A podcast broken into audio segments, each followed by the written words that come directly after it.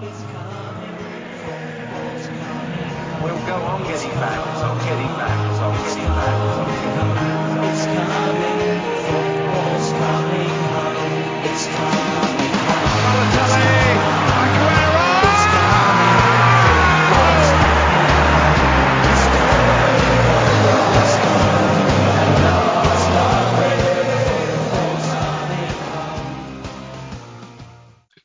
Afgelopen weekend doorbrak Everton een negatieve reeks tegen stadsgenoot Liverpool door eindelijk sinds 1999 weer eens op Anfield te winnen met een 0-2 overwinning.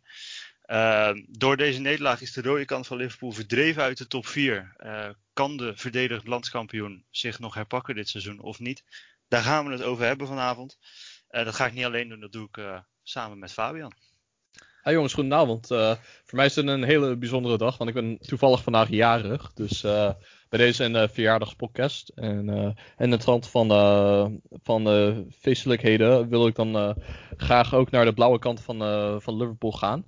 En die hebben wel wat kunnen vieren eigenlijk, omdat ze voor het eerst sinds, was het 1999? Ja, hebben ze, hebben ze op Anfield gewonnen van Liverpool. Dus eh, ik denk dat de sporters eh, daar heel lang op hebben gewacht. Niet zo lang als de Liverpool fans op een landstitel hebben gewacht.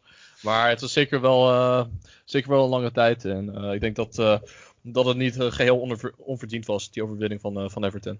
Nee, zeker niet. Ik, ik moet zeggen, ik, ik vind zelf dat het er al een paar jaar aan zat te komen. Je zag over de laatste jaren dat Everton steeds dichterbij kwam. Natuurlijk, vorig jaar hadden ze die wedstrijd eh, op Goodison Park dat Liverpool kampioen kon worden. Dat ze Liverpool op een 0-0 hielden of 1-1. Ehm, dus ze zijn de laatste jaren echt richting Liverpool gegroeid. En ja, nu zijn ze er voor e- eindelijk een keertje overheen. Heel knap. Ja, en eh, ja, over het algemene speelbeleid eh, kun je natuurlijk zeggen van Liverpool, ja, die moesten natuurlijk midweeks moesten ze tegen Red Bull Leipzig. Daar is het op zich wel aardig, maar eigenlijk is het in de competitie al wekenlang gewoon heel, heel slecht. Ja. En nou ja, gewoon dat niveau eh, wat ze wel eens hebben gehaald zonder Van Dijk in het team, eh, dat, dat, kunnen ze gewoon niet behalen. En zeker ook niet vasthouden. En nu zijn ze gewoon in een soort van eh, put gevallen. Mhm. En ja, het is maar de, de vraag of er een einde in zicht is. Want Ja. als het zo door blijft gaan, dan wordt eh, top 4 een lastig ja, karwei. Ja. Terwijl ze ja, misschien tot december wel echt meededen met de titelstrijd. Maar ja, het is eh, nu ineens een hele andere, andere scenario geworden. En, eh, veel spelers eh, ha- halen hun niveau niet, waaronder Alexander Arnold en Mane vooral. Mhm. Dus Ja.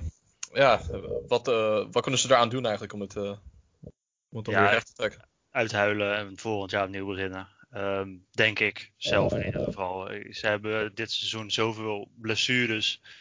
ehm, dat ja, je, een goede club heeft diepte en heeft nog wel backups lopen op bepaalde posities. Maar als je op een gegeven moment zoveel spelers kwijtraakt, dan ja, houdt het een keer op. En dat punt hebben ze een paar weken geleden tegen eh, Burnley thuis natuurlijk al bereikt. Dat ze gewoon verloren. Eh nou hebben ze deze wedstrijd dus voor de vierde keer op rij dat ze thuis verliezen.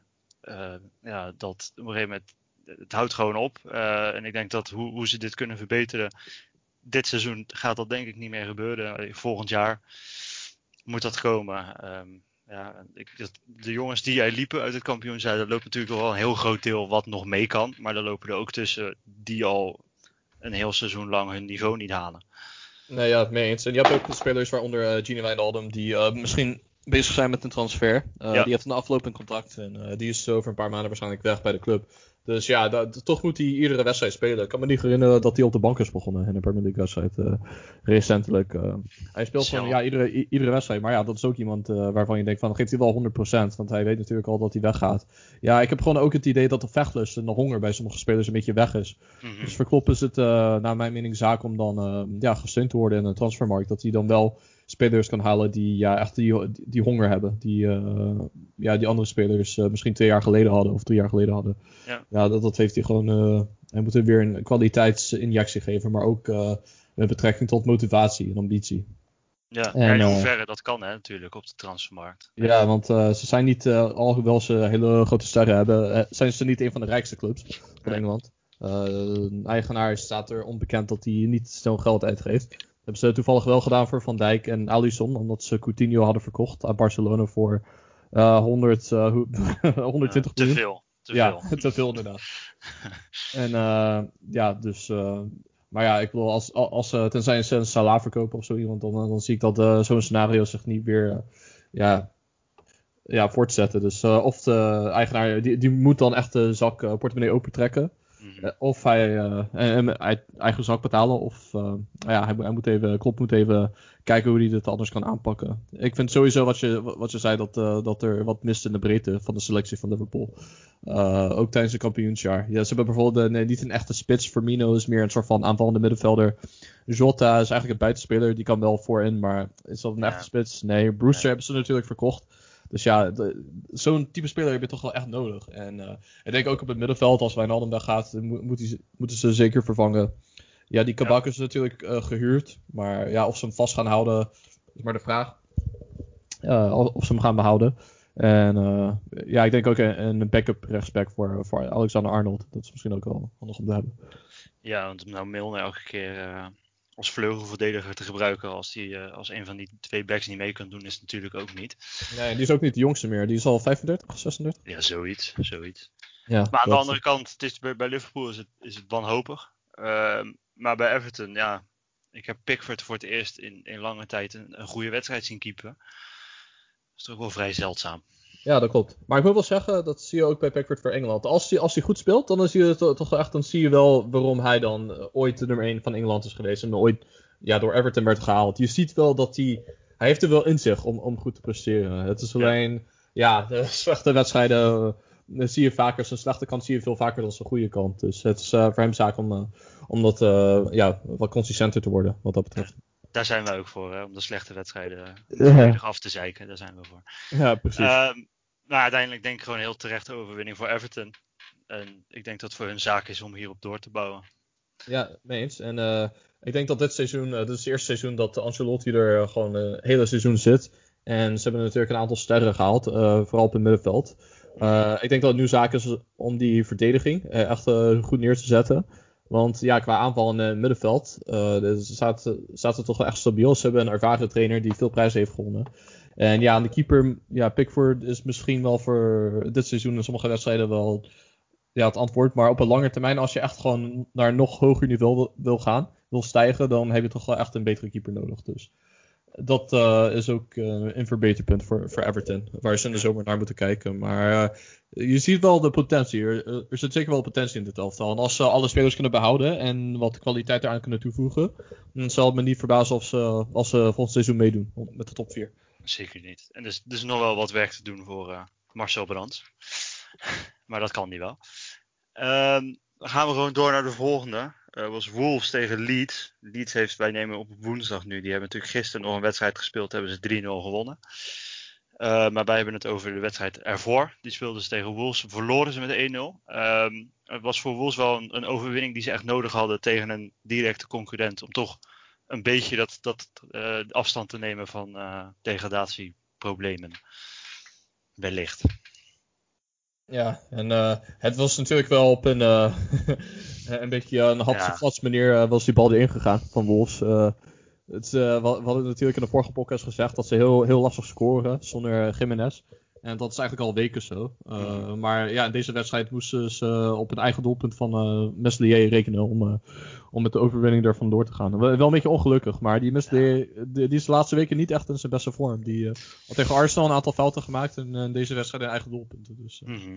Ja, jonge keeper, hè, dan mag het. Zeggen Ja. dan. Dat is eigenlijk eh, wat je een beetje ziet eh, bij, bij Pickford. Eh, Ja. Als hij eh, zijn dag niet heeft, dan is het een typische Pickford-wedstrijd. Maar eh, ja, in dit geval Meslier, ja. Ja, je kon er vrij weinig aan doen. ja. Maar Leeds had echt wel kansen om zelf ook gewoon een doelpunt te maken. Want voordat ze überhaupt achterkwamen, hadden ze al twee hele grote kansen om voor te komen. Ehm, en daarna hadden ze ook nog wel recht op een gelijkmaker. Maar het, het lukte gewoon niet. Nee.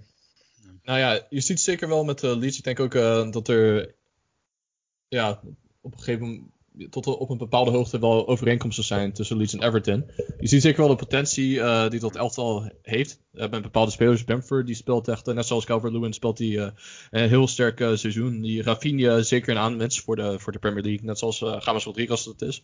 Ja. En ja, eigenlijk wat de Achilles heel is van Leeds. En dat is denk ik als je een beetje de Premier League volgt niet heel opvallend. En dat is verdediging. Ja. En ja, op basis van een eh, middenveld en aanval zijn ze er, staan ze ja, een beetje in de middenmoot. Maar echt die verdediging die is wel echt het degradatieniveau. Ik denk toch wel echt dat, dat, eh, ja, ja, dat ze nog een tandje moeten bijschakelen wat dat betreft. Eh, nu was het deze wedstrijd weliswaar eh 1-0. Maar één eigen doelpunt van Meslier. Maar je ziet echt wel dat er ja, bepaalde punten zijn eh, ja, verbeterpunten zijn. Vooral met de backs eh, in dat elftal. Die Stuart Dallas is aanvallend goed verdedigend. Vind ik hem niet heel overtuigend. Ik eh, vind dat die struik dat die soms centraal achterin moet staan. Omdat ze geen goede andere opties hebben daar. Die Robin Koch is ook niet echt eh, een succes gebleken. Nee. Duitse centrale verdediger die ze van Freiburg hadden gekocht. Dus ehm, ik, ik, ik denk als ze echt nog een stapje hoger willen maken. Dat ze dan echt ook, ook op de verdediging moeten focussen. Ja, focussen. En vooral op de backs en op de centrale verdediger. Ja, want ik denk dat we wel met zekerheid kunnen zeggen dat ze erin blijven. eh, dit seizoen. En dan moeten ze gewoon van de zomer echt die verdediging gaan. eh, Ja, degradatie is sowieso niet aan de orde. Dus eh, dat is al een prestatie op zich. Ja, sowieso. Maar je kan al zien hoe het, hoe het ineens kan keren. Sheffield United, vorig seizoen waren ze ook heel indrukwekkend. Mhm. Maar dit seizoen staan ze ja, stijf onderaan. En dat kwam omdat zij dan eigenlijk hun zwakheden in dat elftal hadden ze eigenlijk niet verbeterd. Nee. En ja, natuurlijk is het ongelukkig met eh, een goede centrale verdediger die wegvalt. Maar je, je ziet gewoon dat als je gewoon niet je best doet om je Achilleshiel in je team te verbeteren, dan kun je er in één keer gewoon uitvliegen. En eh, voor een club als Leeds is dat zeker niet, eh, ja, niet onmogelijk. Zelfs met een trainer als Pias is dat niet onmogelijk dat ze dan volgend seizoen meedoen met een degradatiestrijd. Ja, want het kan zomaar omdraaien. Natuurlijk vorig jaar Southampton die heel lang onderaan bungelde en ja, gewoon nergens op leek. En begin dit seizoen hadden wij het heel, waren we heel positief. Hadden we het zelfs nog over een mogelijkheid voor Europees voetbal. Maar die moeten ook op gaan passen. Die speelden eh, wel, wel, toch wel knap 1-1 tegen Chelsea. Ehm, maar dat, ja, die moeten ook op gaan passen. Want dat zijn ook nog maar acht puntjes tot aan, eh, tot aan Fulham. Die op de 18e plek staan. Ja, dat is Eh, ineens. ja. ja. Als je het hebt over ja, clubs die dan eh, ineens stijgen, ineens heel goed spelen. Manchester City, die, hebben een record neergezet, geloof ik. 19 wedstrijden op rij gewonnen. Mhm. In alle competities. Maar daar tegenover staat dan Southampton. Die eigenlijk sinds die overwinning op Liverpool alles verliezen. Ja, En sommige wedstrijden zelfs met klinkende cijfers. Eh 9-0 van Manchester United. Eh, ja, dan eh, hadden we het er net over. Van ehm, een helft wedstrijd hebben ze met 3-0 verloren van Leeds. Het, het gaat echt eh, helemaal de verkeerde kant op. En Ja. het is een beetje eh, dat gevaar dat, eh, waar veel mensen over nadachten. Nadat ze vorig seizoen met 9-0 van Leicester hadden verloren. Eh, die trant, die dip gaan ze eigenlijk weer in. Ja. En Hazenhoetel is weliswaar wel een goede trainer, maar het is toch als je ineens zegt van, ja, we dachten van, ja, top 4, misschien kunnen ze Europees halen. En dat ze dan nu ineens ja, toch naar onderen moeten kijken. Dat ze, dat ze echt het risico lopen dat ze misschien degraderen. Ja, het is toch wel echt, eh baart wel echt zorgen. En eh, ja, de vraag is eigenlijk van, wat is de echte Southampton? Is dat de versie die we hadden gezien eh, ja, toen ze goed presteerden, toen ze van Liverpool wonnen, toen ze veel indruk maakten in de grote wedstrijden tegen grote clubs? Of is het eh, ja, deze versie die dan eh, met 3-0 verliest van een directe concurrent, de Leeds, en die gewoon in één keer als een eh, soort van kaarthuis ineens stort? Ja. Dus eh, ja, zaak voor hem om met eh, wat meer consistentie erin te krijgen. En eh, dat zit er gewoon blijkbaar niet in. Het is natuurlijk ook wel heel lastig voor Southampton, omdat ze missen best wel veel spelers. Walcott, die begin van het seizoen natuurlijk heel goed speelde, zijn ze kwijt. Walker, Peters eh, zijn ze kwijt aan een blessure. Die komt dan binnenkort wel weer terug. Ehm, maar ze mis, dat, dat bij zo'n club natuurlijk als, als City een keertje twee spelers mis met een blessure, dan kunnen ze dat, kunnen ze dat vrij makkelijk opvangen. En je ziet gewoon bij Southampton dat wat we al een keer eerder gezegd hebben natuurlijk toen ze eh, richting de Europese plek stonden, dat zij die diepte niet hebben. En Ja. dat zie je nu gewoon, want die raken er een paar kwijt en het, het niveau zakt gewoon gelijk in. Ja, maar ik, ik denk ook dat het ook meer een beetje met de mentaliteit te maken heeft. Het is een. Kijk, met voetbal is het ook een beetje. eh, op een mentale vlak moet je ook wel eh, kunnen aantonen van. Ik heb een eh, tegenslag gekregen. Oh ja, ik kan er weer overheen komen. Ja, En bij Southampton heb ik gewoon steeds het idee van. Ze komen er uiteindelijk wel overheen. Omdat de trainer wel eh, best wel capabel is. Maar ja, die dip die, die ze al- altijd hebben. al- Als het slecht gaat, dat blijft hangen en hangen en hangen. En ja, het is niet zo dat ze dan. eh, ja, een wedstrijd verliezen, dan eentje winnen, dan gelijk spelen en dan weer twee achter elkaar verliezen. Nee, het is gewoon ze verliezen en ze verliezen en ze verliezen en met dikke cijfers. En ja, het is Ja. toch, eh, het is toch eh, zorgwekkend dat, eh, ja, dat, dat, dat dat toch in, in ze zit. En ja, je moet je toch wel echt als sporter afvragen van, eh ja, Hazenhoetel, ik heb toch wel vertrouwen in hem, maar ja, deze spelers, al- als het gewoon mentaal niet goed zit, dan, Ja. ook, ook al komen ze terug, is dat gewoon moeilijk om dat volledig recht te trekken. Absoluut, absoluut. En dan voor de, aan de andere kant, voor Chelsea, die, ja, het is natuurlijk jammer dat ze deze wedstrijd gelijk spelen. Want als je kijkt naar de statistieken en naar de, naar de wedstrijd zelf, hadden ze echt wel recht op meer. Maar ja, eh, kansen, dat zijn geen doelpunten. Als je ze niet afmaakt, win je niet. Nee, Ehm, inderdaad. Maar wel een mooi doelpunt van Minamino, moet ik wel zeggen. Dat was ja. ik even vergeten. Dus echt, Ja, eh, ja, d- nu zag, zag ik wel een beetje de speler die eh, Red Bull eh, Salzburg, eh, ja, bij hun zoveel indruk maakt in de Champions League. Dus eh, ik vond het wel mooi om te zien als voetballiefhebber dat hij eh, een beetje zijn draai begint te vinden daar. Ja. Maar eh, ja, en als een prof supporter denk ik dat jij die mening deelt. Ja, nou ja, sowieso mooi. Maar dat, eh, bij zo iemand zie je dan, dat zie je dan gelijk wat constant wedstrijden spelen met, met een voetballer kan doen. Mhm. Ehm, maar over Chelsea, bedoel, sinds Tuchel gewoon een hele, hele stabiele eh, serie tot nu toe. Nog geen wedstrijd verloren. Ja, nu gelijk gespeeld dan. Maar ook gisteren in de Champions League gewoon gewonnen uit bij Atletico, waar helemaal niks mis mee is. Nee. Ehm, ja, het, het, ehm, ik, ik vind eh, maar als objectieve fan heel fijn dat Mount gewoon blijft spelen. Mm. Onder Tuchel. Want daar was ik wel bang voor. Ja, die, eh, nou ja, ik denk dat hij ook gewoon op basis van een sterk seizoen die hij heeft gehad tot nu toe, dat hij, eh, ja, dat het ook niet terecht zou zijn om hem op de bank te zetten. Ik denk dat Havertz, ik denk dat Havertz meer een, een projectje is. Die hebben ze voor veel geld gehaald, maar we vergeten gewoon, het is een hartstikke jonge, jonge speler. Hij is misschien nog maar 21. Mhm. Dus eh, ja, misschien heeft hij wat tijd nodig om, zo, ja, om zich aan te passen aan de Premier League. Dat kan. Sommige spelers hebben dat. Dus eh, ik denk dat Havertz, eh, dat hij het volgende seizoen wel echt gaat laten zien. Maar dat Mount nu wel echt de voorkeur krijgt. En niet geheel onterecht. Nee. Ook dat is wel opvallend dat zie je echt dat hij, ja, dat hij niet echt geliefd is door de nieuwe trainer. En dat, nee. Hij viel wel in nog in, die wedstrijd tegen Southampton. Maar dan stond hij aan de linkerkant. Wat ik ja, niet helemaal natuurlijk is waar hij de afgelopen jaren gespeeld. Stond hij altijd op rechts. Mhm. Eh, maar ja, die opmerking van Tuchel sowieso vond ik vrij bijzonder over, eh, over Ziyech. Dat het zijn schuld was en dat hij zijn kans nog wel ging krijgen. Ik bedoel, ik begrijp niet dat hij zo aardig is tegen hem. Ja, ja, misschien is de andere zijn manier van, van coachen. Ik geloof ook dat hij met eh Neymar bij PSG dat hij ook eh akkefietjes had, maar dat ze uiteindelijk wel een goede relatie hadden. Dus misschien is dat ook zijn manier om Ziyech te motiveren, om harder Beetje ja, te trainen. Ja, dat, dat Ja. zou kunnen zijn. Dus, eh, ik denk dat het zeker niet afgelopen is met Ziyech bij Chelsea. eh, terwijl je wel geruchten leest dat clubs uit Italië interesse in hem hebben. Ja. Maar ik, denk- ik denk dat er zeker wel eh, nog kansen voor hem gaan komen. Oh, zeker weten. Anders dan gaat hij, eh, als het bij Chelsea niet lukt, dan wil echt nog wel een andere club in de Premier League hem hebben, denk ik. Ja, en ja, misschien een Arsenal of een City. En, eh, oh ja, daar zouden we misschien wel meteen naartoe kunnen gaan. Ja joh. Het is een onbedoeld bruggetje. Maar subtiel misschien wel bedoeld. nou ja, wat kan ik over deze wedstrijd zeggen als Arsenal sporter zijn? Ehm, eh, ik was heel verbaasd dat Sterling en Kopkool scoorden. Want Ja. dat zie je hem niet heel vaak doen. En eh, ook helemaal niet verwacht dat het zo vroeg in de wedstrijd zou gebeuren. Maar dat gaf, zette niet echt de toon voor de wedstrijd. Ik, eh, ik vond het. eh, hij duidelijk wel een heel stuk beter. Die, die zijn ook gewoon ontzettend goed in vorm. Aubameyang had een beetje een off day. Eh Eudegaard die speelde denk ik wel zijn slechtste wedstrijd tot nu toe. Maar het ook niet geheel eh verbazingwekkend dat het tegen City was. Die ja, vooral verdedigend heel solide staan dit seizoen. Dus eh, nee, ja, niet verrast met de nederlaag. Wel teleurgesteld natuurlijk. Maar eh, ik denk dat eh, ja, als Arsenal supporter zijn, dan kan je niet zeggen dat we onterecht hebben verloren. Ik denk dat de 1-0 misschien wel geflatteerd is. Had 2-0 misschien kunnen zijn. Maar het was ook niet een super. Ja, Nee, En te- en ze er overheen liepen, zeg maar. nee. Het was Nee. een beetje zo van, ja, oh, we hebben vroeg gescoord. Ja, nu, nu ervoor zorgen dat wij dan eh, geen tegengoal krijgen. Ja. Ja, we moeten midweek spelen, dus ja, zorgen dat het eh, gewoon hierbij blijft en dan, eh, dan het goed.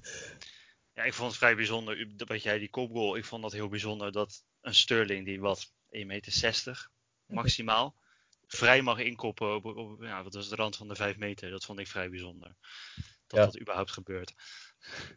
Nou ja, wat ik eh, een beetje apart vind is dat eh, Arsenal, die hebben de, ja, ik geloof dat Chelsea er nu overheen zijn gegaan, maar Arsenal hebben na Chelsea en City de twee na beste, eh, eh, twee na minste tegendoelpunten in de Premier League. Wat je niet zou denken, want Nee. Arsenal, bij hun denk je altijd van, oh ja, slechte verdedigers. Maar eigenlijk staat, is dat niet de Achilleshiel meer van Arsenal. Dus het is wel apart om te zien dat dat eh, ineens gekanteld is. Maar ik denk echt dat uh, Achilleshiel echt in het middenveld een aanval ligt. eh. Dus spelers eh, die ze verveel gehad hebben ingekocht, eh, die, die laten niet zien voorin. Ja, Eudegaard is nog eh, vrij nieuw en die heeft eh, nog maar twee keer in de basis gestaan, als ik me niet vergis. Ja. En eh, ja, voor de rest is het eh, ja, vrij, ja, vrij dood, eigenlijk wat ik in eh, de vorige podcast heb gezegd.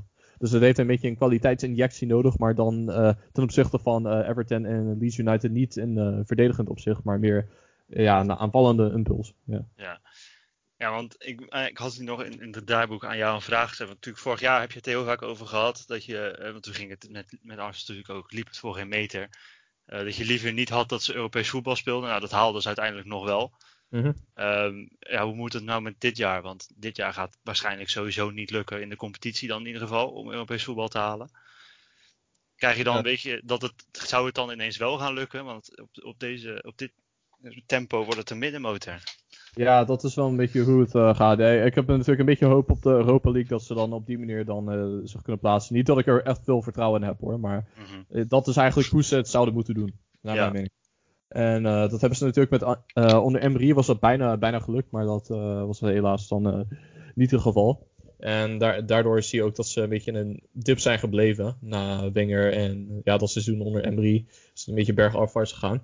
Maar ik vond, wat, ik wel belangrijk vind als club is, je moet altijd de ambitie hebben om prijzen te winnen. Nou, Arsenal Ja. hebben dus de FA Cup gewonnen, de Community Shield. Community Shield is weliswaar ja, niet, niet een echte prijs, maar de FA Cup is wel iets dat je in je prijzenkast kan zetten. Weet je? Aantonen van, Ja. hé, hey, wij hebben iets bereikt.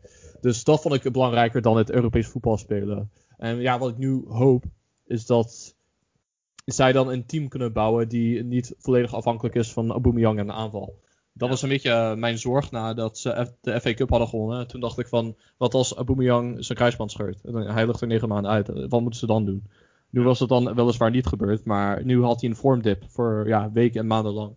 En ja, dan zie je ook dat het gewoon eh, ineens als een kaarthuis ineens wordt. Omdat er niemand anders is die eh, de, ja, de ploeg op sleeptouw kan nemen. Dus dat is vooral wat ze moeten doen. Gewoon een team bouwen. En gewoon een aanval bouwen, bouwen in een middenveld. Een creatieve middenvelder. Eh, middenveld. En eigenlijk zoals we van Arsenal een beetje kennen. En ja, de- dat de hele tijd afhankelijk zijn van één, speler. Zoals we ze tien jaar geleden met Van Persie hadden. Ja. En eh, ja, ook... Özil hebben ze natuurlijk ook gehad. Özil, ja. Ja, toen was ook Sanchez, dus dat hielp enigszins. Maar dat, ja, inderdaad, die spelers moesten het altijd laten zien. En ja, nu heb je Aubameyang. En dat is gewoon, dat is niet sus- sustainable, weet je. Je kan dat nee, gewoon nee. laten doen. En er moeten er meer komen waar de, waar de tegenstander op moet gaan letten. Ja, precies. En ja, Aubameyang is inmiddels al 31, 32 of zo. De- de- die, die gaat ook niet heel lang meer mee. En die begint al een beetje eh, over zijn piek heen eh, te gaan. Dus eh, ja, ik, ik, ik denk zeker dat, het gewoon, dat ze een echte team moeten bouwen. En niet alleen ja, één sterspeler die, die moet laten zien. Ja, ja, we gaan zien of het nog wat wordt met Arsenal in de komende jaren. Want ik, ik zie het een beetje, een beetje moeilijk, eh, is moeilijk in voor ze. Want op dit tempo word je een middenmotor. Maar goed, wie weet, het kan allemaal veranderen. Dat zien we bij heel veel clubs. Ja, Liverpool Eh, natuurlijk. Die staat ook eh, een paar jaar in de middenmoot. En, Ja. Dus dat is een beetje mijn hoop dat ze een beetje dat ja, beleid kunnen volgen, dat beeld. Maar ja, je moet natuurlijk net de juiste trainer hebben, en net de juiste ambities, net de juiste spelers verkopen, inderdaad om geld te krijgen en om dan dat te kunnen bewerkstelligen. Maar ja, we zullen het zien. We zullen het allemaal meemaken. Inderdaad. Eh, daarmee gaan we van een, een club die potentieel naar het groeien is naar middenmoot en naar daadwerkelijke clubs uit de middenmoot. Eh, Brighton tegen Crystal Palace. Eh, Palace wint met 1-2. Ehm, ja, ik, ik, voor deze wedstrijd, ik denk dat een gelijkspel iets meer verdiend was geweest. Omdat de, de winnende van Benteke viel ook in de 94ste minuut volgens mij. Dus ja, wat dat betreft. Ik denk dat het, dat het verdiend was geweest als Brighton een puntje had gehad. Maar aan de andere kant, het houdt de strijd onderin wel wat spannender voor Fulham-fans. Ja, mee eens. En ehm, ja, voor Brighton. Het is gewoon een heel apart seizoen. Maar als je naar de statistieken kijkt. Ze hebben altijd heel veel balbezit, heel veel kansen. En je zou denken dat ze veel meer punten zouden hebben gepakt. Op basis van hoe ze hebben gespeeld. En dat is ook wat ik dacht voor het seizoen. Eh, ik Ja. had ze, in mijn voorspelling had ik ze op de tiende plek gezet. Want ik eh, vond dat ze goed hadden ingekocht. En eh, ik vind die trainer best wel. eh, ja, dat vind ik best wel goed, Graham Potter. Mhm, mhm. Maar ja, dan zie je toch dat de Malpé die haalt zijn niveau niet van vorig seizoen. En dan is het net als bij Arsenal, ja, wie moet het dan laten zien voorin? Ja, die Trossard die heeft geloof ik dit seizoen al in één wedstrijd tegen United had hij volgens mij vier keer op de paal een lat geschoten. Ja. En bijna altijd als ik hem zie spelen, doet hij dat. Of dan schiet hij net naast. Dus het is gewoon steeds net niet in de aanval. Creëren veel, ze doen veel, maar het is steeds net niet. En ja, Welbeck is ook niet echt een speler die eh, eh, de- op dat niveau gaat brengen. Dus het is gewoon echt, ze hebben echt, ik denk meer dan alle andere clubs in de Premier League, een echte, echte, echte spits nodig. Die gewoon kopsterk is, die gewoon helemaal goed, Mhm. perfect in het beeld van een ideale Premier League spits past. En als ze die hebben, dan, eh, dan, dan gaan ze ineens, eh, ineens gewoon stappen maken. Want dan maken ze al die kansen die ze creëren gewoon af. Ja, maar dat En zie je je- ook in deze ja. wedstrijd, dat Veldman de gelijkmaker moet maken. Ja, Joel Veldman die heeft eh, zijn eerste goal gemaakt voor, eh, Crystal, eh, voor Crystal Palace. Tegen Crystal Palace in de naam van eh, Brighton. En eh, dat was misschien als Nederlander zijnde wel opvallend dat hij scoorde. Maar dat was niet, eh, wil ik zeggen, het mooiste doelpunt van de, van de dag.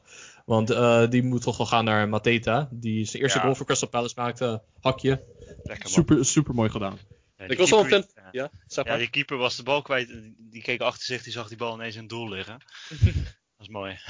Ja, het is altijd mooi als dat eh, gebeurt. En, eh, ja, ik was al, ik eh, volg de Bundesliga een beetje. En ik was wel een beetje fan van Mateta de- bij Mainz. Daar speelt onze, onze grote vrienden Jean-Paul Boetjes en Jerry Sint-Jusse van ja, Feyenoord. Ja. En ja, hij was daar gewoon altijd heel sterk. eh, ja, kopsterk, fysiek sterk, snel. Dus ik dacht van, ja, dat is wel echt een hele geschikte spits voor de Premier League. En, nu heeft hij zijn kans gekregen daar. En ik denk als hij zo doorgaat zoals in deze wedstrijd, dan gaan eh, Crystal Palace fans zeker veel eh, van hem genieten. Absoluut, absoluut. Ja. En daarmee gaan we alweer naar eh, de Tata van de week. Louis van Gaal.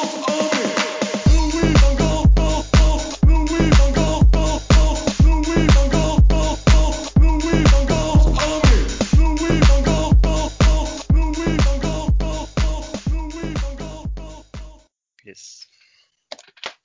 Nou, eh, het is natuurlijk de data van de week, maar het is niet alleen de data van de week. Het is natuurlijk ook de data top 3, want er zijn drie Nederlanders die eh, opvielen deze week. En op de derde plek zet ik geen speler, maar wel iemand die ooit de data van de week is geweest bij ons. En dat is Marcel Brands, de DOF, Director of Football van eh, Everton. En ik noemde het eigenlijk al in het begin van de podcast. Eh, Everton hebben voor het eerst sinds 1999, dus in 22 jaar, van Liverpool gewonnen op Anfield. En dat was mede dankzij de spelers die onze grote vriend Marcel Brands heeft gehaald. Eh, de afgelopen twee eh, transferperiodes sinds dat hij er eh, zit. Mhm. Of ja, seizoenen. En ja, ik denk dat, dat die stijgende lijn wel echt midden door hem komt. Hij heeft ja, natuurlijk samen met de bestuur van de club Carlo Ancelotti aangesteld. Misschien wel de grootste naam ooit in de geschiedenis van de club van Everton. Want ik kan me niet herinneren dat ze ooit een trainer hebben gehad met zo'n status. En dan heeft hij natuurlijk ook ja, grote naam als James Rodriguez. We- Weet je, de ster van het eh, WK in 2014. En, eh, en Alan, die als eh, jarenlang stabiel stond bij Napoli, bijna kampioen werd met ze. En ja, dat soort spelers. Richarlison en eh Calvert-Lewin, die, die zijn ineens veel beter gaan spelen. Ja. Zoals ze daar zijn, sinds dat Marcel Brands er is. Dus ja, het gaat de goede kant op met, met hem. En ik wil hem daardoor belonen. Daarmee be- belonen met een plek op de top 3.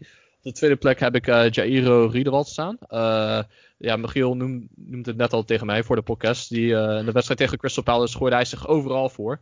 Dus mede vanwege het feit dat hij alles op alles deed om ja, die gelijkspel op dat punt over de streep te trekken. Werd beloond met een overwinning. Dus ik denk dat uh, Riedewald zeker tevreden kan zijn met zijn prestatie. Maar helaas moet hij de eerste plek afstaan aan degene die scoorde. eh, zijn eerste doelpunt in de naam van Brighton. En dat was Joel Veldman. Die is eh, wederom, eh, ik geloof misschien wel voor de vierde of vijfde keer, is hij eh, de Tata van de Week geworden bij ons. Eh, dus ja, Joel, eh, misschien opvallend, maar niet geheel onterecht. Gefeliciteerd, jij bent de Tata van de Week. Top. Ehm, en daarbij gaan we even tussendoor naar een, een woordje van de sponsor. Want ook deze podcast wordt weer aangeboden door Manscaped. De, de beste keuze voor eh, verzorging van eh, de kroonjuwelen onder de gordel. Uh, Manscaped biedt ja, nauwkeurig gereedschap voor, voor je kroonjuwelen.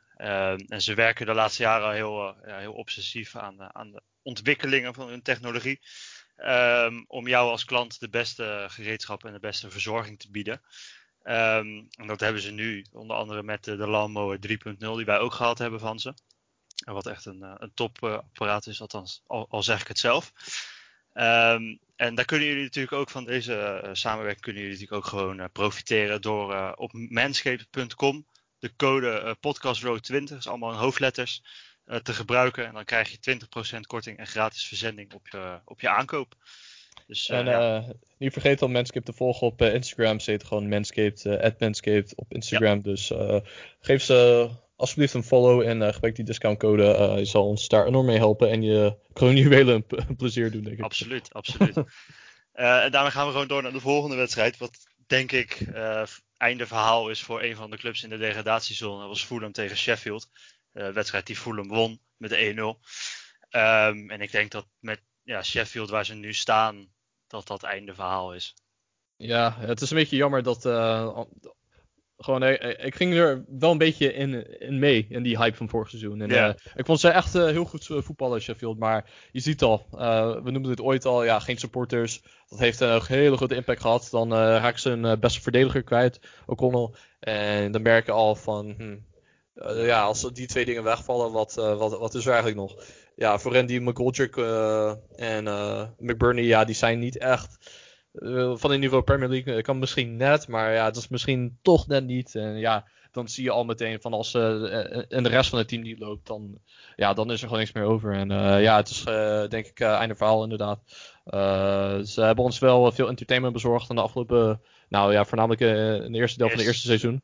Ja. Hebben ze ja, veel kunnen laten zien in, in de Premier League. En ik hoop dat ze zich herpakken en dan ooit weer ja, promoveren. Want er was wel genoeg om van zich te genieten. Maar het is niet geheel onterecht dat zij de hekkensluiter zijn. En in deze wedstrijd uh, liet ze dat uh, wederom uh, ja, kenbaar maken. Dat het ja. toch misschien net een stapje te hoog is voor ze op dit moment.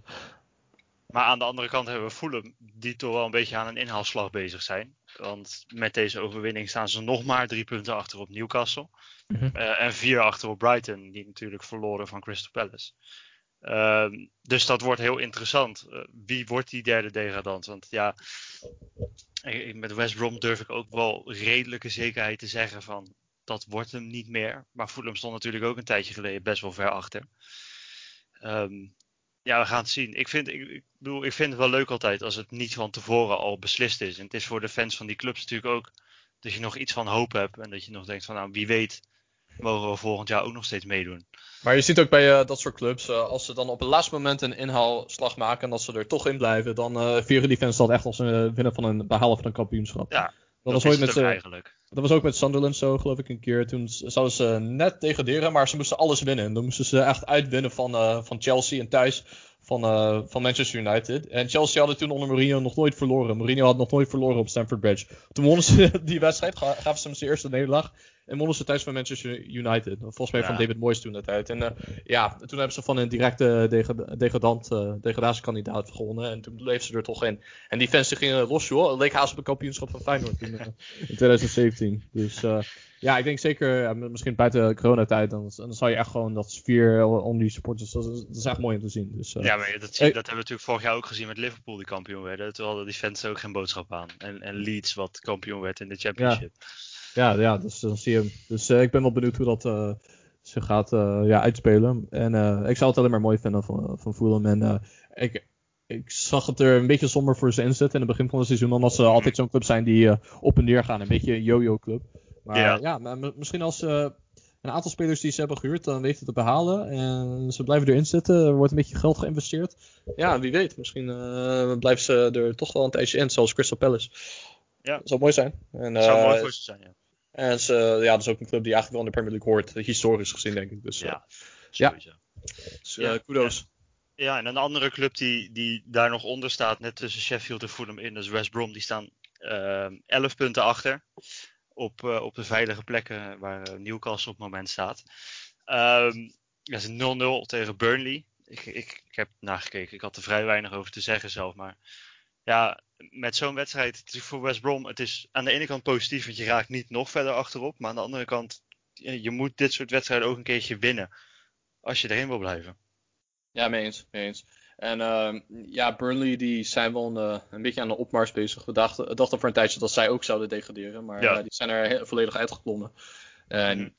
ja, ik, ik, ik, kan er ook verder niet zoveel over zeggen. West Brom... Uh, uh, ik vond gewoon dat ze Bilic niet hadden moeten ontslaan. Ja, Big Sam die heeft wel ervaring met uh, clubs in de, in de Premier League houden. Maar ja, ik, ik, ik, ik vond het uh, ook niet dat Bilic dat hij, ja, dat hij het echt slecht deed. Hij werd ontslagen na een 1-1 gelijkspel tegen City. En toen dacht ik wel van, is dat echt het moment dat je dan eh, je trainer wil gaan ontslaan? Ik vond het een beetje premature en eh, ja... Dus eh, ik, ik heb ook niet echt heel veel medelijden met het feit dat ze dan eh, ja, de nu lastiger hebben onder, onder eh, Allardyce. Het is gelukkig niet zo erg als wat er vorig jaar bij Watford gebeurde. Hè? Dat hij eh, op het moment dat het Ja. positief uit ging zien, dat hij eruit werd gegooid. Ja, Nigel Pearson inderdaad. Ja. van Liverpool. Ja, dat, eh, ja, maar ja, zo zie je maar. Als je dan eh, vier keer in het seizoen een trainer ontslaat. Als je op verkeerde momenten een tra- trainer ontslaat. Omdat je uit angst voor het misschien degraderen. Dan kan het ook ja, eigenlijk misschien averechts werken. Ja. Ja, Dus, absoluut. dat, dat is natuurlijk niet wat je wil hebben. En ik denk van deze debakel eh, kunnen wij overgaan naar een andere. Maar dan voor, eh, voor Spurs fans. Het is natuurlijk jammer dat onze grote vriend Maurits, eh hele goede Mhm. West Ham fan, eh, niet meedoet aan deze podcast. Maar eh, ja, West Ham hebben met 2-1 gewonnen van eh, de Spurs. En Ja. ze staan eh, nu in de top 4. Eh, terwijl ze vorig jaar bijna gedegradeerd waren. Dus eh, ja, wat, wat een eh, omkeer. Ja, niks mis mee. We ik, na de wedstrijd werden we een beetje gespamd in de groepchat door Maurits. Eh, ja, dat, dat is natuurlijk wel iets dat, eh dat we moeten nemen. Maar goed, het maakt allemaal niet uit. Ehm, ik moet wel zeggen, het was wel met de hakken over de sloot was het. Want Spurs had echt nog wel genoeg kansen om die 2-2 te maken. Eh, ze deden het alleen niet. Ze belonen zichzelf er niet voor, denk ik. Nee, en eh, dat zie je wel vaker bij Tottenham. Het is ook een beetje van, eh, ja, waarom eh, zijn ze zo, hebben ze zo weinig succes behaald? Het is van het niet effectief zijn wanneer ze effectief moeten zijn. Mhm. Eh, ja, ik weet niet of het echt eh, in de club inge- ingebonden is of zo, of dat het gewoon een, eh, ja, mentaal onder de spelers iets is dat heerst. Maar je ziet gewoon, ja, op dit soort momenten, op een belangrijke momenten, dan lukt het ze gewoon niet om, om zichzelf te belonen. En dan ja, krijgen ze dan zo'n nederlaag voor de kiezen. Moeten ze, moeten Ja, ze het is- verwerken. Maar ik denk dat eh, West Ham dat ze echt kunnen genieten van eh, de ja, huurperiode van Jesse Lingard. Die Absoluut. heeft het eh, echt uitstekend gedaan tot nu toe. En hij moet vooral zo doorgaan. Want ook weer was het raak voor deze wedstrijd voor Jesse Lingard. En hij heeft denk ik wel een sterke rol gespeeld in de 2, eh, 2-1 overwinning. Absoluut. Hij moest wel even wachten naar, naar, naar dat doelpunt van hem, omdat het misschien buitenspel was natuurlijk. Ehm, maar ja, als ik, als ik West Ham was en hij zet dit voort, de- deze vorm, dan zou ik toch naar, naar bij United gaan bellen van joh, eh, bij jullie speelt hij niet. Ehm, hoeveel moeten we overmaken? Ja, mee eens. Ja, ik denk inderdaad dat eh, ja, het lijkt het een goede match is. En, eh, Mhm. Ik vond altijd wel van. Het, hij is wel te goed om op de bank te zetten bij United. Want eh, Ja. hij het is niet zo dat hij alleen op de bank zat en heel soms. en elke wedstrijd inviel, zoals Van de Beek. Hij, hij speelde eigenlijk nog minder dan Van de Beek nu. En ja, dat, hij is toch wel. hij kan wel beter dan dat. Hij is eh, wel een speler die gewoon in de Premier League in de basis kan staan.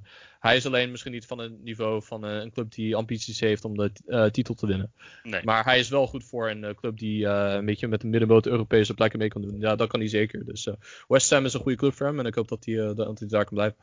Ja, nou het is sowieso, de- deze overwinning laat wel zien dat West Ham goed, echt goed bezig is. Ehm, ik ga er niet te veel over zeggen, want ik heb begin van het seizoen Southampton natuurlijk eh, heel erg opgehemeld. En we zien waar die nu staan. Dus ik hou me redelijk in. Ehm, maar ja, eh, kan West Ham dit, kunnen ze dit volhouden? Dit, natuurlijk niet per se top 4, maar die Europese plekken. Ja, dat eh, ja, zit er wel in. Ik denk top 4 is misschien net hoog gegrepen. Maar ja, West Ham in Europa, ja, dat. ik- ik denk al helemaal als ze in Europa zouden komen, dan zal het eh, denk ik wel ehm, ja, hun kansen vergroten om Lingard te houden. Maar niet alleen Jesse Lingard, het is natuurlijk ook Declan Rice. Er Ja, wordt de hele tijd gespeculeerd, over- eh, gespeculeerd over zijn toekomst. Eh, ja, als ze, als ze in Europa gaan, dan, dan kan hij misschien nog een jaartje langer blijven. Of, of is dat niet, niet mogelijk, denk je? Nou ja, ik, ik denk dat het heel lastig is. Dat jij, we hebben het in de, in de groepset deze week al, ook al een keer over gehad met z'n vieren. En jij, jij bracht wel een goed punt eh, van, van Kanté, die met Leicester kampioen werd. En daarna naar Chelsea ging, die ergens achtste of negende waren Ja, geworden. tiende waar ik zo soms. Tiende, ja. Dus ja, ehm, aan de ene kant, ik denk dat stel dat ze Champions League halen, dat hij wellicht nog wel zal overwegen om nog een jaartje te blijven. En ik denk dat dat voor West Ham alleen maar goed is.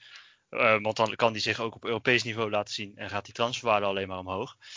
Eh, maar aan de andere kant, ja, die, die aantrekkingskracht van die, de grotere clubs, natuurlijk Chelsea niet per se groot qua, qua geschiedenis, maar wel groot qua de laatste jaren. Ik denk dat die aantrekkingskracht soms toch wel te groot is. Eh, Ja, en ik denk in het geval van Chelsea heeft hij daar natuurlijk in de jeugd gespeeld met Mason Ja. Mount. Dus eh, Ja. je zag ook dat Chilwell, die ging natuurlijk van... eh, hij was bijna, had bijna top 4 gehaald eh, ten opzichte van Chelsea met, met Leicester. En toch heeft hij die overstap gemaakt. Dus één, één, één plek op de ranglijst hoger. En dan zie je maar dat dat ook voor hem een, eh, Ja. ja. een pre is van... Hey, Chelsea is toch wel echt een Champions League club, weet je. Dus eh, daar kan ik mijn carrière, ja, carrière echt goed voortzetten. Dus eh, dat heeft hij toen gedaan. Hij wil ook komen vanwege de andere Engelse spelers die daar waren. En Rice zou er natuurlijk ook aan bijdragen. Dus ik denk dat eh, dat moment wel gaat komen voor hem. Maar ik zou eigenlijk wel willen zien dat hij nog één seizoen bij, eh, bij West Ham blijft. Dat, eh, dat zou wel tof zijn. ja, dat, dat hij in Europa ja, het goed doet in de Europa League met West Ham. Dat zou, Ja. dat zou wel echt een dat mooi verhaal zijn. Ja. Ik hou, naast van go- goed vo- voetbal hou ik van mooie verhalen. En ik vind dat wel een leuk verhaal. Ja, Declan Rice, eh, aanvoerder van West Ham in, de- de Europa League. Ja, Ze hebben, natuurlijk, ze hebben natuurlijk ook heel lang Mark Noble, die loopt natuurlijk nog steeds rond. Ehm Mr. ja, West Ham, ja. Mr. West Ham. En dan, dan komt er zo'n nieuwe gozer, bijna dezelfde positie. En dan, dan ga je als fan natuurlijk al heel gauw zoiets hebben van, nou, misschien is dit wel de nieuwe Mark Noble. Maar ik denk dat dit wel een niveautje hoger ligt. Ja, ik denk, Mark eh, Noble. Inderdaad, ergens tussen eh, Mark Noble en Frank Lampard in. Dat is een beetje het Ja. niveau dat hij gaat halen. Ja, mee eens. En eh, ja, natuurlijk van de ene club in de Claret Blue kunnen we overgaan naar de andere. En Ja. dat is Aston Villa tegen Leicester. Die eh, zijn weliswaar onderuit gegaan. Eh 1-2 nederlaag. Door doelpunten van eh, James Madison en Harvey Barnes. Heeft eh, ja, Leicester toch weer een, eh, mooi resultaat neergezet. Ja, absoluut. Ehm, ik vond maar dat de, wat was het? de 0-1 van Madison ik wel een mooi doelpunt. Het precies, past allemaal precies. Ja, precies. Ehm, Oh ja, no pun Ehm, maar ik denk wel terechte overwinning. Ik, ik, bij de 2-1 eh, van, van Villa was Schmeichel die bleef op Traoré zitten of staan. En ging hij daarna ook heel opgefokt staan doen tegen de scheidsrechter, tegen die, die spelers van Villa, wat ik niet helemaal begreep. Want ik, ik begrijp wel waarom hij doet, want hij wilde tijd rekken. En ze hebben net de aansluitingstreffer gemaakt, maar ik begrijp niet dat je dan zo opgefokt gaat lopen doen op dat veld. Eh, was niet helemaal nodig. Maar ze blijven heel stabiel. Staan eh, gelijk in punten met nummer 2 United. En ik, het blijft heel bijzonder natuurlijk. Want eh, dat jaar, eh, wat is het? Hoe lang geleden zijn ze gepromoveerd? Vijf jaar? Vijf, zes jaar geleden? Ehm, en zijn nu gewoon een, een stabiele top 4 club geworden. Top, top 6 eigenlijk. Mhm. Ja, dus ik bedoel, dat, dat aan zich is natuurlijk heel knap. Zij zelfs een keer kampioen geworden tussendoor. Mhm. Ehm, dus dat is heel knap. En ik, ik, ik, ik vermoed dat ze dit jaar wel voor elkaar kunnen krijgen om in die top 4 te blijven. In plaats van vorig jaar, waar dat eh, uiteindelijk op de laatste speeldag toch niet lukte. Ehm, ja, en voor Villa. ehm, ik, vanmiddag had ik, in, in, toen ik het draaiboek aan het maken was, was, had ik geschreven: Villa heeft een anoniem seizoen. Ehm, en toen keek ik nogmaals op, op, de, op de ranglijst. Toen zag dat ze gewoon achter staan. En slechts vier puntjes achter Liverpool, de, de regerend kampioen. En als je weet dat ze vorig jaar ten nauwe nood degradatie ontsnapt zijn, Mhm. niks mis mee. En ze hadden natuurlijk eh, wel veel blessures. Dus eh, nee, ik denk als Villa-sporter kan je niet klagen. Eh, ze hadden ook wel goede eh, spelers ingekocht. Die Martinez is misschien wel de beste keeper van het seizoen tot nu toe. Mhm. Althans, naar mijn mening is dat zo. Dus, eh, hij of Toevallig ook ex-Arsenal. Ja, inderdaad.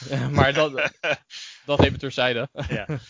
Ehm, ja, vind ik ook. Ja, Ross Barkley, eh, die was wel eens wa- waar geblesseerd. Maar toen hij eh, speelde, heeft hij eh, heeft wel indruk gemaakt. Die Konza, die, ja, die doet er wel echt, echt heel goed bij, bij Villa. Die gaat misschien nog wel een stap hoger maken na- aan het einde van het seizoen. Dus ja, verdedigend, stabiel. Goede middenvelders. die, ehm, eh, hoe heet hij ook weer? Ollie Watkins, spits, Ja. heeft, het, heeft ook wel indruk gemaakt. Ik denk dat er misschien van de beide spelers ietsjes meer moet komen. El Ghazi had natuurlijk wel een eh, tijd dat hij in vorm was, een paar weken. Maar dat is natuurlijk ook een beetje weggezakt. Maar eh, ja, dat, eh, het is gewoon een stabiele team en een stabiele middenmotor. En ik denk als ze veel spelers kunnen behouden, dan, dan- dat ze daar ook blijven. Dus degradatie is niet aan de orde met Villa. En eh, een club die in de Premier League hoort. Dus eh, ja, ik denk dat, eh, dat sporters, eh, sporters eh, blij kunnen zijn met het seizoen die ze hebben gedraaid tot nu toe. Ja, is natuurlijk ook zo dat ze, wat, wat was het nou? Hebben ze fantasy voetbal hebben ze nu verboden? Maar Ja. wat is de oorzaak daarvan? ja, er was, Grealish was, is, is geblesseerd. Mhm. Ehm, maar dat was nog niet openbaar gemaakt door de club zelf. Was nog niet bekendgemaakt door de club.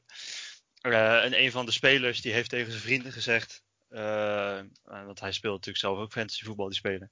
En die zei tegen zijn vrienden van joh, Eh, ik zou deze week Grealish eruit halen, want die is geblesseerd geraakt tijdens de training. En dat is toen gelekt. Ehm, en daar zijn ze bij, bij Villa zijn ze een beetje geïrriteerd geworden van, dit willen wij gewoon zelf naar buiten brengen. En het is niet aan de spelers om dat te doen. Eh, en dus hebben ze gezegd van, nou ja, dan mogen jullie vanaf nu geen fantasy voetbal meer spelen. Maar dat neemt niet weg dat ze nog steeds vrienden hebben die fantasy voetbal spelen. Maar goed, Ja, nou ja, ik, eh, ik vind het gewoon ook een beetje onprofessioneel als je dat soort dingen gaat lekken. Ik denk ook al van, eh, ja, het staat toch ook een beetje in je contract. Je weet toch ook een beetje eh, wat verhouding je moet hebben als, als prof. Dus ik, ik, ik denk, ja, het helemaal verbieden snap ik wel dat dat de uitkomst ervan is. Maar eigenlijk moet gewoon die speler die dat gelekt heeft gestraft worden. Er moet een beetje Ja. een voorbeeld aan worden gemaakt van, ja, ik bedoel, kijk, het is ook van, ja, je kan niet de informatie blootgeven die dan invloed heeft op, ja, bedden en dat soort dingen. Dat kan je gewoon niet maken als, het als zijn heel dun lijntjes natuurlijk. Ja, precies. Dus nee, dat eh, moet hij sowieso niet een tweede keer doen. En, eh, Nee. Ik vind het ook niet een hele gekke ja, beslissing van de club. En eh, ja, dan zijn we bij de laatste wedstrijd gekomen, geloof ik. Ja, United. ja, Manchester United United, tegen United. inderdaad. Manchester United heeft met 3-1 gewonnen van Newcastle United. En ja, dus een hele mooie eerste, ja, eerste doelpunt van de wedstrijd, solo van Rashford. Ja. die, eh, die draait een. eh, ik- dacht dat hij vorig seizoen zijn beste seizoen ooit draaide, maar deze heeft hij. Ja, die heeft hij misschien wel overtref, eh, overtroffen met dit seizoen. Hij heeft een aantal echt ja, mooie doelpunten gemaakt. En als je echt ziet van, die is echt enorm gegroeid. sinds dat van, ja, van Gaal om die te debuteren in zijn eerste seizoen. Dus Ja. ja, het is gewoon echt, begint echt een vedette te worden. Een van de beste buitenspelers van de Premier League. En, eh, en ik was eh, alleen niet zo heel gecharmeerd van de tegengoal die ze kregen. Eh, onze grote vriend, eh, ja, wie anders? Harry Maguire, die eh, kopte de bal eh, weg van, van doel, maar recht in de voeten van, eh, ja, weg in, eh, recht in de voeten van Alan Maximaan. En die had hem mooi in de kruising geschoten. Ja, Met, een, met een soort uh, lop eh, schot. En, eh, Ja, hij ontsnapt het ook nog, hè, Maguire, aan een, eh, aan een rode kaart en, een- en een strafschop tegen. Want hij, eh, in de eerste helft kregen ze een vrije trap tegen, volgens mij. Ehm, en Maguire die kijkt naar de bal, draait zich vervolgens om, kijkt de tegenstander recht aan, geeft hem een elleboog. ja, ja, Ehm, dat, eh, dat eh, heb ik inderdaad nog gezien. werd helemaal niets aangedaan. En dan, dat zijn van die momenten dat ik denk, waar, waar zit die VAR daar nou voor? Ja, nou ja, het is. eh, ik denk als je een- echt een, eh, beetje een eh, zielige sporter bent, als je een beetje een agenda hebt tegen United, dan zou je zeggen van eh Varchester United. En dat zie ik wel vaak op Twitter voorbij komen. Maar, ehm, maar ja, het is, het is niet de eerste keer dat, dat hij is ontsnapt. Ik geloof vorig seizoen tegen Chelsea had hij ook uh, Batshuayi had hij ook aangevallen. Ja, En daar kreeg hij ook geen rood voor. En toen scoorde hij de winnende goal. In de Ja. slotfase van de wedstrijd, geloof ik. Dus ja, dat het is niet de eerste keer dat VAR ernaast zit. Maar ja, ja misschien eh, de scheidsrechters zijn bij eigenlijk alle wedstrijden van de Premier League dit seizoen niet heel goed eh, bezig. Dus eh, dat, ze zijn consistent wat dat betreft met de slechte ingrijpen met de VAR en ja, slecht fluiten. Dus, ja wat- we dus net zeggen, hè, van heel veel fans in Engeland roepen natuurlijk, Manchester United heeft de scheidsrechters altijd mee. Die strafschop die ze dan krijgen helpt daar ook niet in. Want dat was ook heel goedkoop. ja, wat werd geschampt, werd hij volgens mij. Maar er gebeurde vrij weinig. Ik heb, ja, ik heb er ook bij gezet waarom zij. Want er wordt natuurlijk heel vaak geroepen: oh, wat, wat scoort Fernandes veel. Maar ja, dat, dat heeft natuurlijk ook gewoon een reden. Als jij zoveel penalties krijgt als club, Mhm. heeft het een reden dat je aanvallende middenvelder zoveel doelpunten maakt. Tuurlijk, het is een hele goede voetballer. Maar haal die penalties eraf, dan heeft hij misschien wat, vijf, zes doelpunten gemaakt. Dus als het niet minder is. Nee.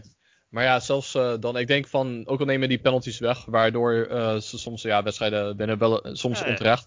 Denk ik wel van, eh, dit, dit was wel een verdiende overwinning voor United. Oh ja, Dus ze waren sowieso de overliggende, ja, bovenliggende partij. En ja, top 4 is het er zeker. En ja, helaas voor United fans geen kampioenschap. Maar ja, de tweede en derde plek, dat hebben ze wel verdiend, denk ik, op basis van dit seizoen. En ze hebben zich goed herpakt na een slechte start tegen, ja, was het eh 1-3 nederlaag tegen Crystal Palace thuis. En 1-6 verloren van de, van de Spurs. Maar ja, nu gaan ze toch, eh, ja, tweede plek. Er zit er zeker wel in voor United fans. En eh, ja, wie weet, misschien eh, ze doen nog mee met de FA Cup en Europa League. Dus misschien kunnen ze nog een prijs winnen. Dat zou voor de sporters mooi zijn.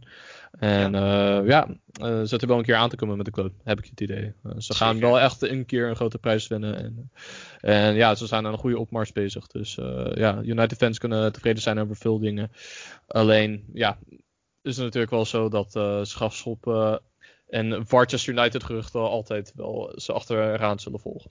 Ja, maar dat blijft denk ik altijd. Het was natuurlijk wel wat geweest als ze kampioen waren geworden. Dit dat kan natuurlijk nog steeds, maar ze staan wel 10 punten achter. Maar het was wel lachen geweest. Dat je natuurlijk dan had je vorig jaar Liverpool die na wat 30 jaar kampioen werden. En dan had je dit jaar United gehad die na wat zal het zijn? Acht jaar. 2012 of zo, 2009. Ja, 13. 13 was het. Eh, 13. Ja, 2013 voor het laatst kampioen zijn geworden.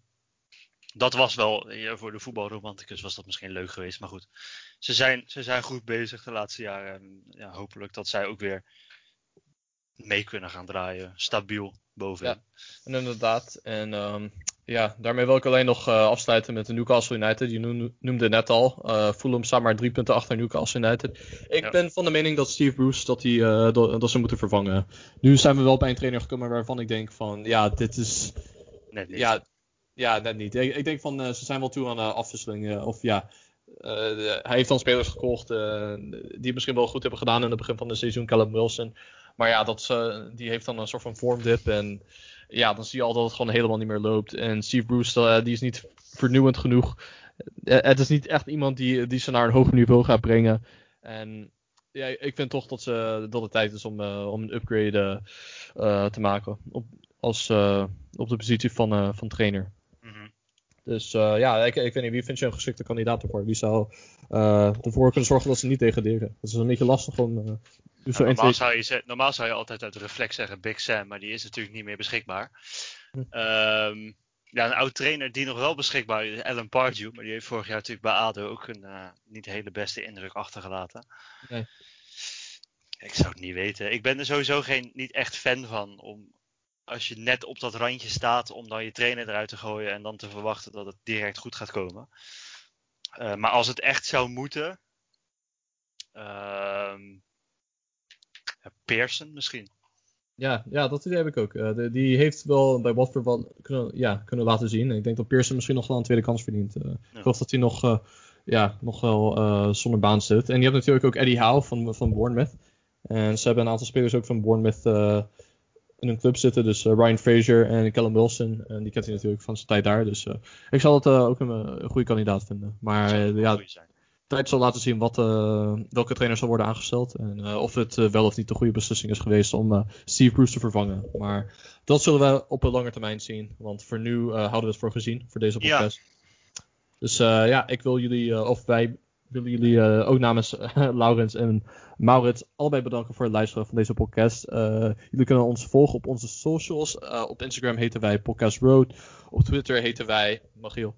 Podcast Laagje Road. We hebben natuurlijk ook gewoon nog een website waar we af en toe hele interessante stukjes op, op plaatsen. Dus podcastroad.nl. Ehm, en dan als laatste, ja, vergeet niet eh, als, je, als je er interesse in hebt in ieder geval om eh, op manscape.com eh, de code podcastroad20 te gebruiken. En dan krijg je 20% korting en eh, een gratis verzending. En eh, als je nog eh, liefdes- of haatbrieven hebt, dan kan je ze altijd eh, sturen naar podcastroad.gmail.com. en bij deze willen we graag afsluiten met eh, geniet van de komende wedstrijden seizoen, van het lekkere weer. En eh, tot de volgende keer. Yes.